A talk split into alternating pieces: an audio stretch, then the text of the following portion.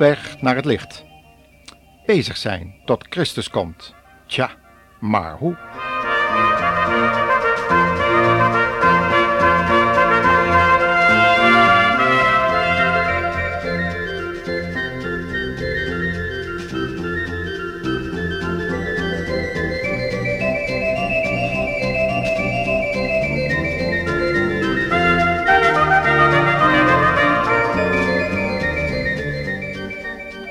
Welkom luisteraar in dit familieprogramma van de stichting Adullam. Waar we nu alweer voor dit achtste, maar ook laatste programma over de tekenen van de eindtijd overdenkingen hebben over Matthäus 24 en nu vers 45 tot 51. Luister maar weer mee, maar doet alvast uw Bijbel bij dat hoofdstuk open. Matthäus 24, vers 45 tot 51.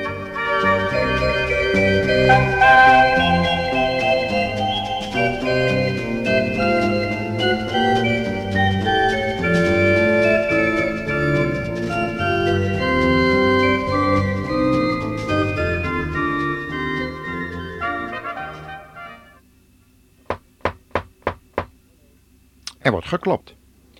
Nee, nee, dat zal beslist geen inbreker zijn. Tenminste, dat hebben wij de laatste keer niet ervaren toen ze daar binnendrongen. Er is er weer voor de vijfde keer ingebroken. Nee, dat is beslist niet met kloppen gebeurd. En er was ook geen bel in huis. Hij is gewoon via de shuttles naar binnen gedrongen. En daar de ijskast leeggehaald en mijn koffertje. Mijn paspoort heeft hij laten zitten. Waarschijnlijk heeft hij een lijst met gevangenen tegengekomen. Tja, dat kan gebeuren. De vorige keer werd er een fiets gestolen en over de, aan de overkant werd er een auto gestolen. Ja, dat gebeurt tegenwoordig bijna dagelijks, nietwaar? De Heer Jezus waarschuwde daar ook al voor.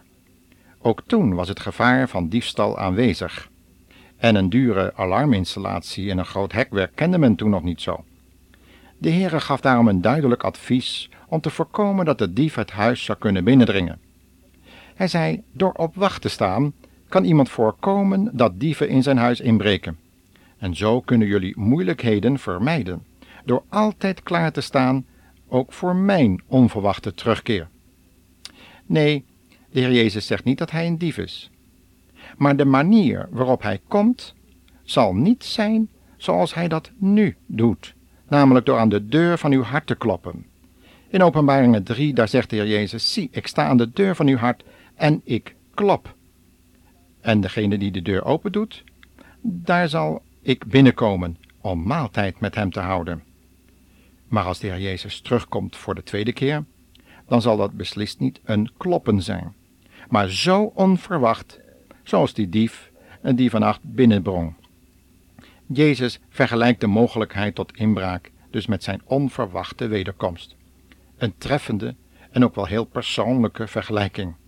Want het voorbeeld dat Jezus gebruikt wijst naar dat plotseling en onverwachte karakter van alle genoemde gebeurtenissen, vooral waar Paulus het over heeft in de tweede Thessalonicensebrief. We hebben al gezegd, de Heer Jezus klopt op de deur.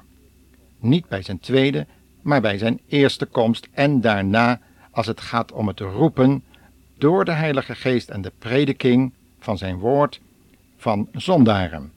En iedereen die hem vrijwillig wil binnenlaten, die wijst hij zeker niet af. En iedereen die tot hem komt, wijst hij ook niet terug. De Heer Jezus zegt zelf: Klopt, en ik zal u open doen. Zoekt, en je zal vinden. Maar wanneer we niet open doen, dan trekt Jezus zich bedroefd terug om zich wellicht met een ander bezig te houden, of om zich te beraden op welke wijze hij dan toch nog een geopende deur in ons leven kan vinden. Soms kan dat zijn door een ongeval, of het verlies van een geliefde, of een baan, of een vastgelopen relatie, die hem opnieuw aan de deur van het geweten doet kloppen.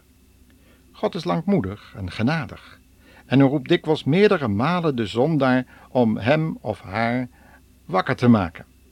Iemand zei eens dat gerechtigheid van God betekent dat iemand krijgt wat hij verdient. De barmhartigheid van God geeft iemand wat deze niet verwacht. En de genade van God wordt gegeven aan iemand die dat niet verdiend heeft. Het boek Job beschrijft in hoofdstuk 36, vers 8 deze werkzame gerechtigheid van God op de volgende manier. Als zij in moeilijkheden komen, of tot slaaf worden gemaakt en er ellendig aan toe zijn, gebruikt hij die moeilijkheden om hen erop te wijzen dat ze hebben gezondigd en zich te hoogmoedig hebben gedragen. Hij maakt dat zij luisteren naar zijn woord en berouw hebben over hun zonde. En als zij luisteren en hem gehoorzamen, zullen zij worden gezegend. En daar wil het papiamentstalige koor uit Nederland nog eenmaal over zingen.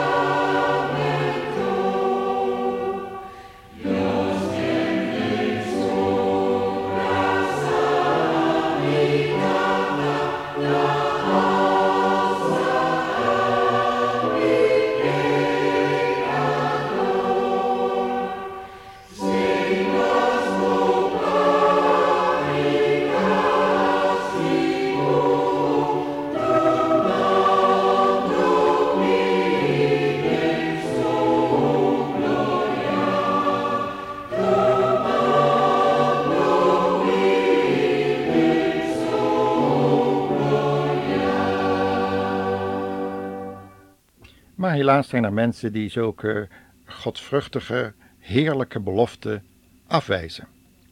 Eliu zegt hiervan: En als zij niet naar hem willen luisteren, zullen zij dan ondergaan en sterven door hun gebrek aan gezond verstand.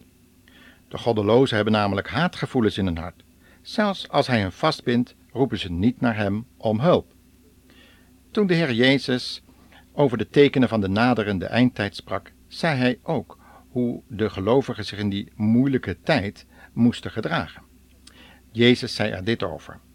Wie van jullie gedraagt zich als een trouwe en verstandige knecht? Als iemand die ervoor zorgt dat alle anderen in het huis op tijd eten krijgen. Het is goed dat een knecht bij de thuiskomst van zijn meester met zijn werk bezig is. En zo'n knecht krijgt het beheer over al zijn bezittingen. Dat is bemoedigend. Maar niet voor hen die hoogmoedig weigeren te luisteren de heer Jezus sprak erover in Matthäus 24, vers 48 tot 51, waar hij over zulke boze dienstknechten het volgende zegt. Maar als zo iemand slecht is en bij zichzelf zegt: Mijn meester komt nog lang niet terug, en hij begint de andere knechten te mishandelen en leeft er maar wat op los en bedringt zich, dan komt zijn meester op een moment dat hij hem helemaal niet verwacht. Dan zal hij de slechte knecht laten folteren en naar de plaats van de huigelaars laten brengen daar is wroeging en verdriet. De meeste mensen houden er niet van als predikers over de hel spreken. Schout ons zachte dingen, zeiden ze al in de tijd van de profeet Jeremia, toen deze tot hen sprak over het komende oordeel over de zonde van huigelachtige mensen die zich wel Gods volk noemden, maar er helemaal niet naar leefden. Andere predikers, en die over deze plaats van eeuwige pijniging spraken, werden geslagen, veroordeeld tot de gevangenis verdacht gemaakt of het land uitgezet. Nee, liever spreken moderne predikers over succeschristendom, waar je de mogelijkheid hebt geleerd om je fantasie in werkelijkheid om te zetten met behulp van visualisatie en Oosterse meditatietechnieken. Grote successen boeken deze predikers en de kassa's van de televisiemaatschappijen rinkelen begeerig. Maar hoe staat het met de heiliging van het leven? Nergens komen zoveel schandalige praktijken voor als juist in dat soort consumptie-christendom. Paulus waarschuwde reeds voor dat soort predikers, die vonden dat godzaligheid winst opbracht. En ze lijken nog gelijk te krijgen ook. Maar ik heb een kennis die een groothandel in levensmiddelen dreef. Zijn compagnon leerde hen hoe je door een verbond met de duivel te sluiten grote kassuccessen kon behalen. En inderdaad, het lukte. De zaak bloeide als nooit tevoren en de beide compagnons werden rijk totdat er moeilijkheden in het gezin kwamen en Satan zijn aandeel begon op te eisen. Onwillig begonnen de beide succesvolle mannen aan de terugbetaling, maar het net werd steeds nauwer aangehaald en ze leken niet meer terug te kunnen uit de fuik. Gelukkig was God toch sterker bij de ene vriend.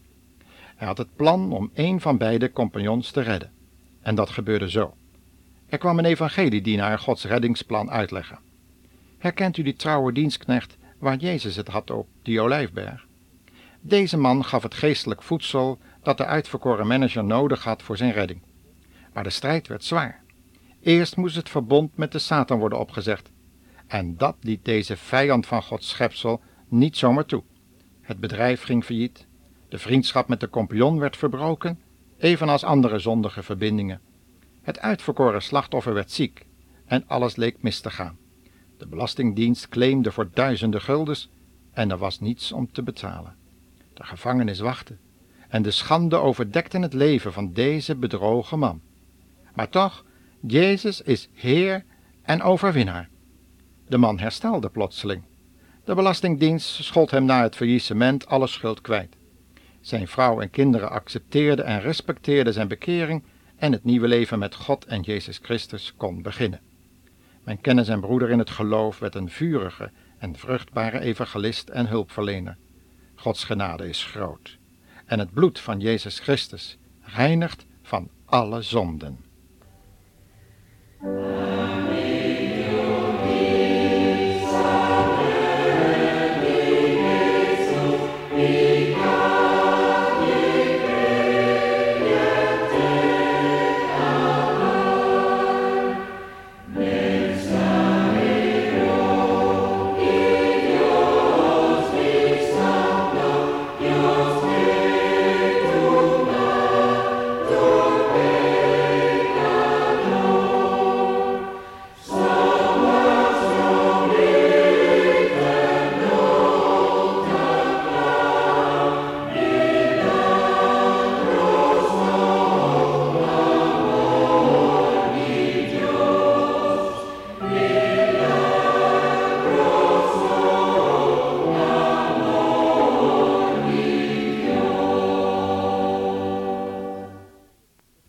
Een ander geval van goddelijk geïnspireerde tucht met het doel een zoon van een gelovige weduwe te redden van het oordeel, maakte ik onlangs mee.